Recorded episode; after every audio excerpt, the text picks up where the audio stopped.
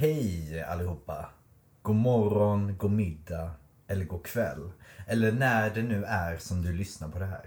Välkommen till Bibeln på ett år. En podcast av Svenska kyrkans unga. Jag heter Oskar. Välkomna, nu kör vi.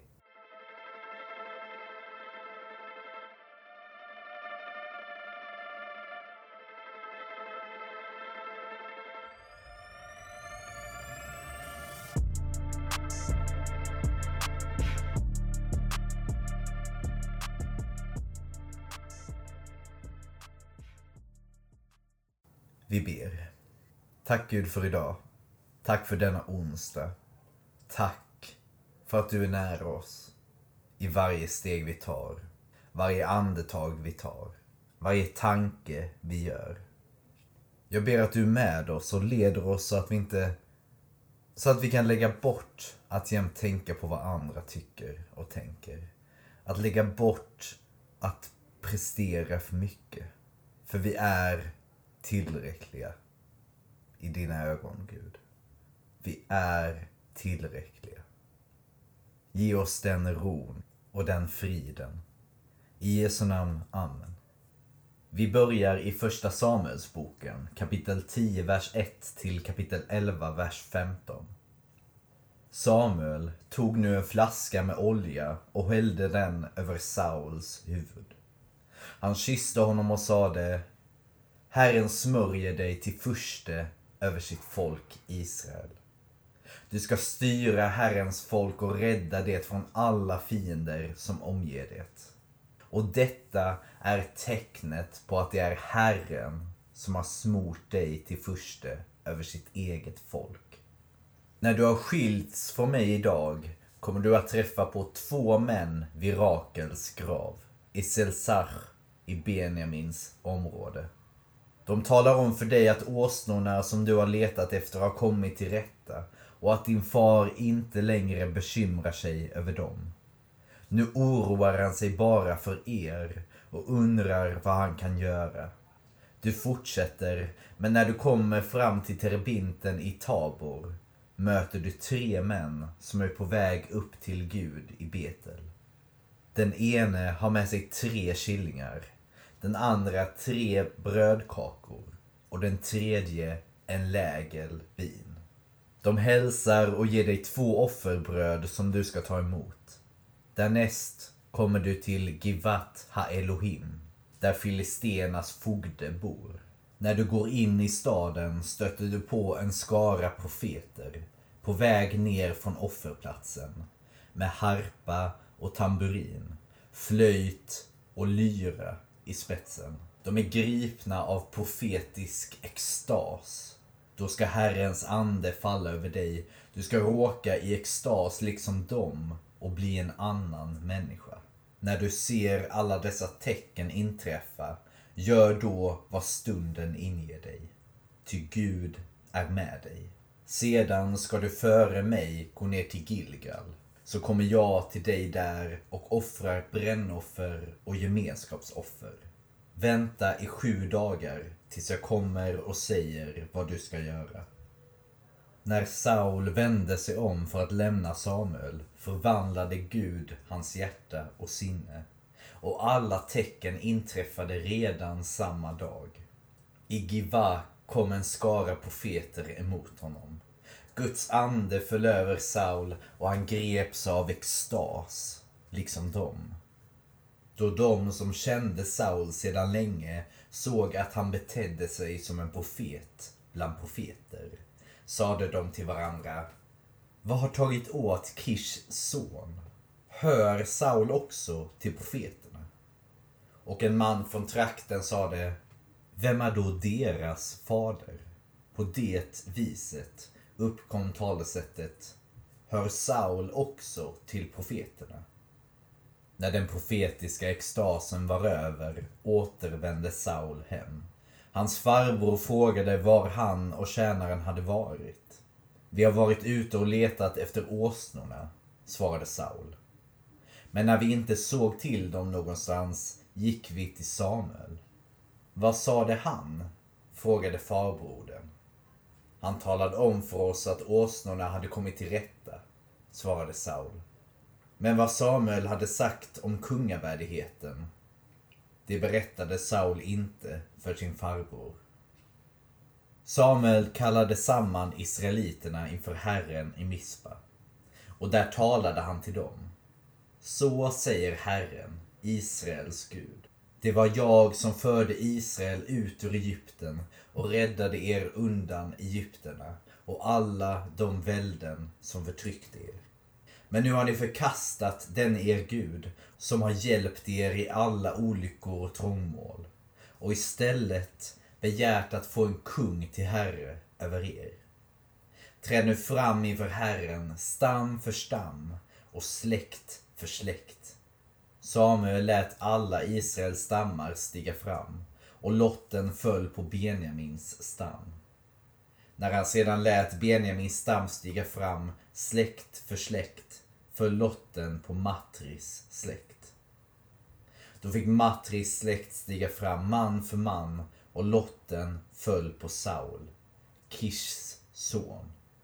De sökte efter honom och när de inte kunde finna honom vände de sig på nytt till Herren och frågade om Saul verkligen hade kommit. Och Herren svarade, han har gömt sig borta i lägret.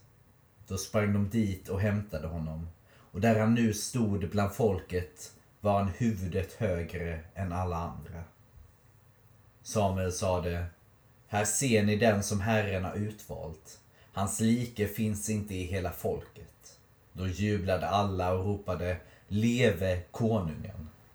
Samuel tillkännagav de kungliga rättigheterna för folket och upptecknade dem i en bokrulle som han lade i förvar inför Herren. Därefter lät han alla gå hem var och en till sitt. Också Saul vände hem till Giva följd av en skara krigare som Gud hade kallat. Men några ondsinta män visade sitt förakt för Saul. Skulle den där kunna rädda oss?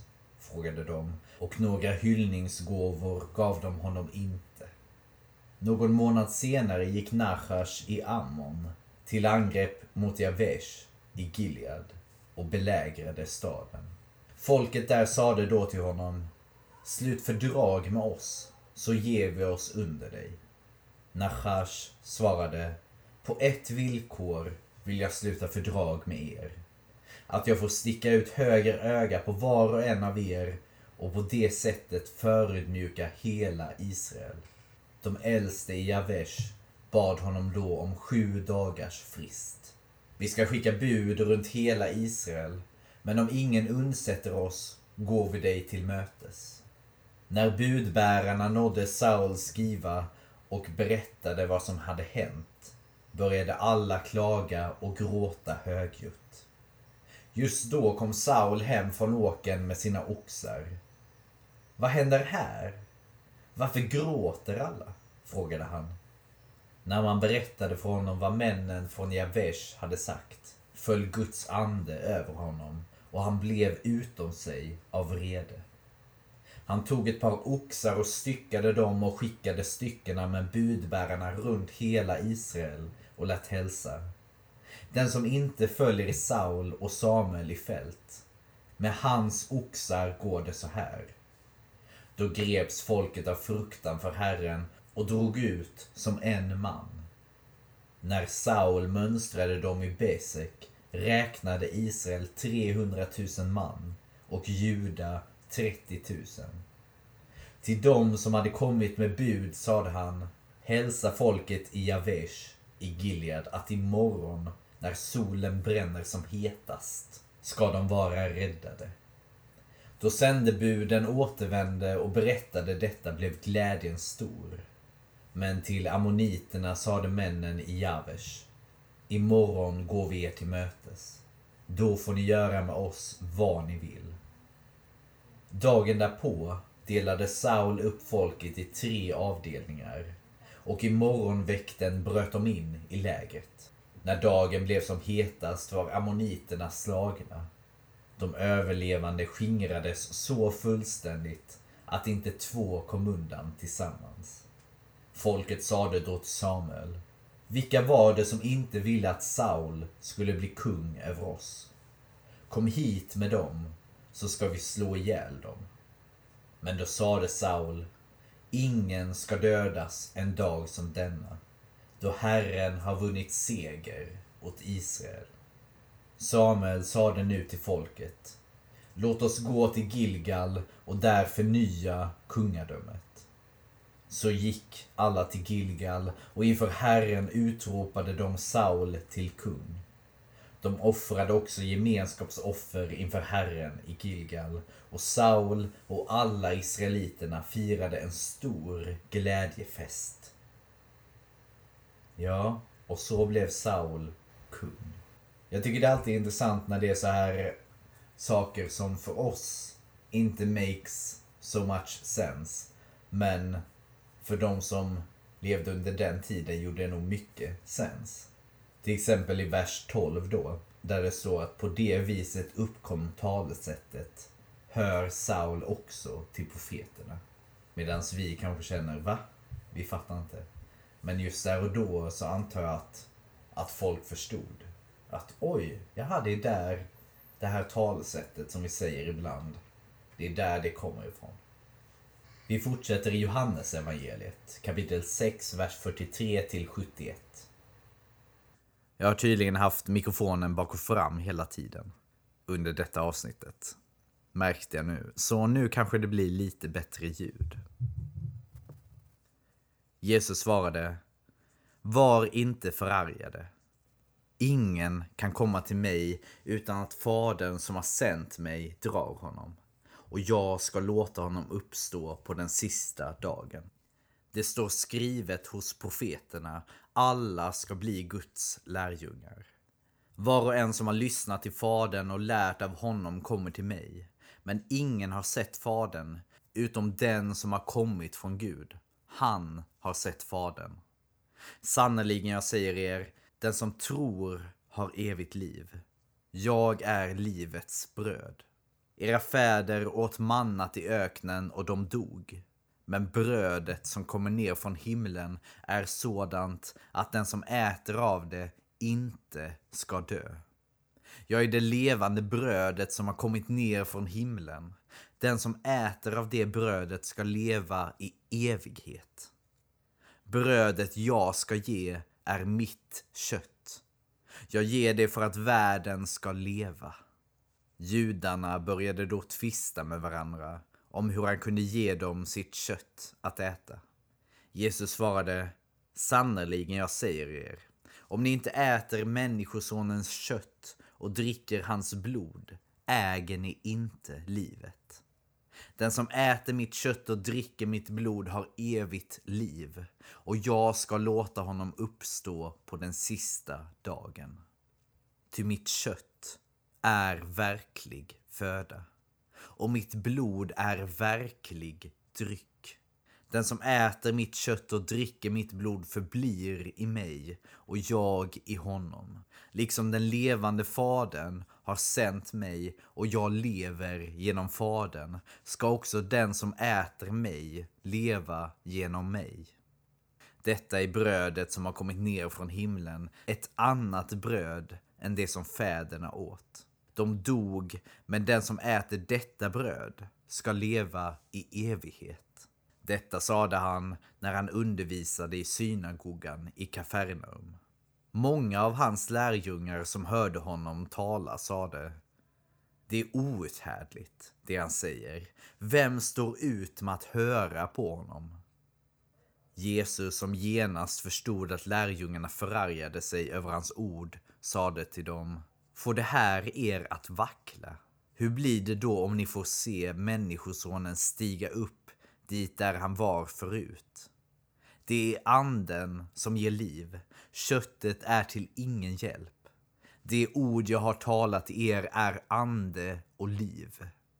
Men det är några av er som inte tror. Jesus visste ju från början vilka som inte trodde och vem som skulle förråda honom. Och han fortsatte. Det var därför jag sade er att ingen kan komma till mig om man inte får det som gåva av Fadern. Då drog sig många av hans lärjungar tillbaka och ville inte längre följa med honom. Jesus sade då till de tolv. inte vill väl ni också gå er väg? Simon Petrus svarade, Herre, till vem skulle vi gå? Du har ditt eviga livets ord och vi tror och vi förstår att du är Guds helige. Jesus sade, har jag inte själv valt ut er tolv och ändå är en av er en djävul. Han menade Judas, Simon Iskariots son, ty denne skulle förråda honom och han var en av de tolv. Mm. Jag tror ni märker en stor skillnad mellan Johannes evangeliet och de andra tre vi har läst. Det här är ju mycket mer filosofiskt kanske, mycket mer eh, teologiskt på ett sätt. Vi fortsätter i Saltaren, psalm 107. Tacka Herren, ty han är god. Evigt varar hans nåd. Så ska de befriade säga, de som Herren befriat ur nöden och som han har hämtat hem från alla länder, från öster och väster, norr och söder. Några gick vilse i öde öknar, de fann ingen väg till bebodda städer. De var hungriga och törstiga och deras krafter sinade. Då ropade de till Herren i sin nöd och han räddade dem ur deras trångmål. Han lät dem finna den rätta vägen till en stad där människor bodde. De ska tacka Herren för hans godhet, hans underbara gärningar mot människor. Han ger dem törstande att dricka och mättar de hungriga med allt gott. Andra satt i djupaste mörker, fångna i fjättrar av järn. De hade trotsat Guds befallningar och förkastat den Högstes råd. De var modlösa av vedermödor, de stapplade utan att få hjälp. Då ropade de till Herren i sin nöd och han hjälpte dem ur deras trångmål. Han förde dem ut ur det djupa mörkret och bröt sönder deras bojor. De ska tacka Herren för hans godhet, hans underbara gärningar mot människor. Han krossar kopparportarna. Järnbommarna slår han sönder. Andra var sjuka för sina synders skull och fick lida för sina brott. De ville inte se åt någon föda och närmade sig dödens portar. Då ropade de till Herren i sin nöd och han hjälpte dem ur deras trångmål. Han gav en befallning och botade dem och räddade dem från graven. De ska tacka Herren för hans godhet, hans underbara gärningar mot människor. De ska frambära tackoffer och berätta om hans verk med jubel. Andra for på skepp över havet och drev handel på de stora vattnen. De såg Herrens verk, hans under i havets djup. Han befallde och en storm blåste upp, som fick vågorna att gå höga. De kastades mot himlen och mot djupen, modet svek dem i faran. De vinglade och raglade som druckna, deras färdigheter var till ingen nytta. Då ropade de till Herren i sin nöd och han förde dem ut ur deras trångmål. Han stillade stormen och vågorna tystnade. De gladdes när det blev lugnt. Han lät dem nå hamnen de ville till. De ska tacka Herren för hans godhet, hans underbara gärningar mot människor. De ska lovsjunga honom i tempelskaran och prisa honom i det äldstes krets. Han förvandlar floder till öken och vattenkällor till torr mark. Fruktbart land till saltjord för invånarnas ondskas skull. Han förvandlar öknen till sjö och det torra landet till vattenkällor. Han låter de hungrande slå sig ner där och bygga sig en stad att bo i. De sår sina åkrar och planterar vingårdar och de får riklig skörd. Han välsignar dem och de förökar sig och deras boskap blir talrik. Om de blir få och tyngs ner av förtryck, av olycka och bekymmer öser han förakt över furstarna och leder dem vilse i väglös ödemark. Men de fattiga lyfter han ur deras betryck och gör familjerna stora som jordar. De rättrådiga ser det och gläder sig. All ondska tvingas till tystnad.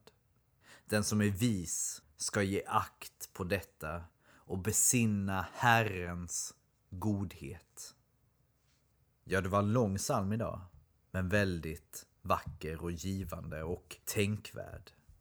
Och vi avslutar i Ordspråksboken, kapitel 15, vers 1 till 3. Mjukt svar stillar vrede. Hårda ord väcker harm. Den vises tal flödar av kunskap. Ur dårens mun strömmar enfald. Herrens blick når överallt. Den följer onda och goda. Det var allt för dagens läsning. Ha det fint. Vi ses och hörs imorgon igen. Ta hand om er. Hej då.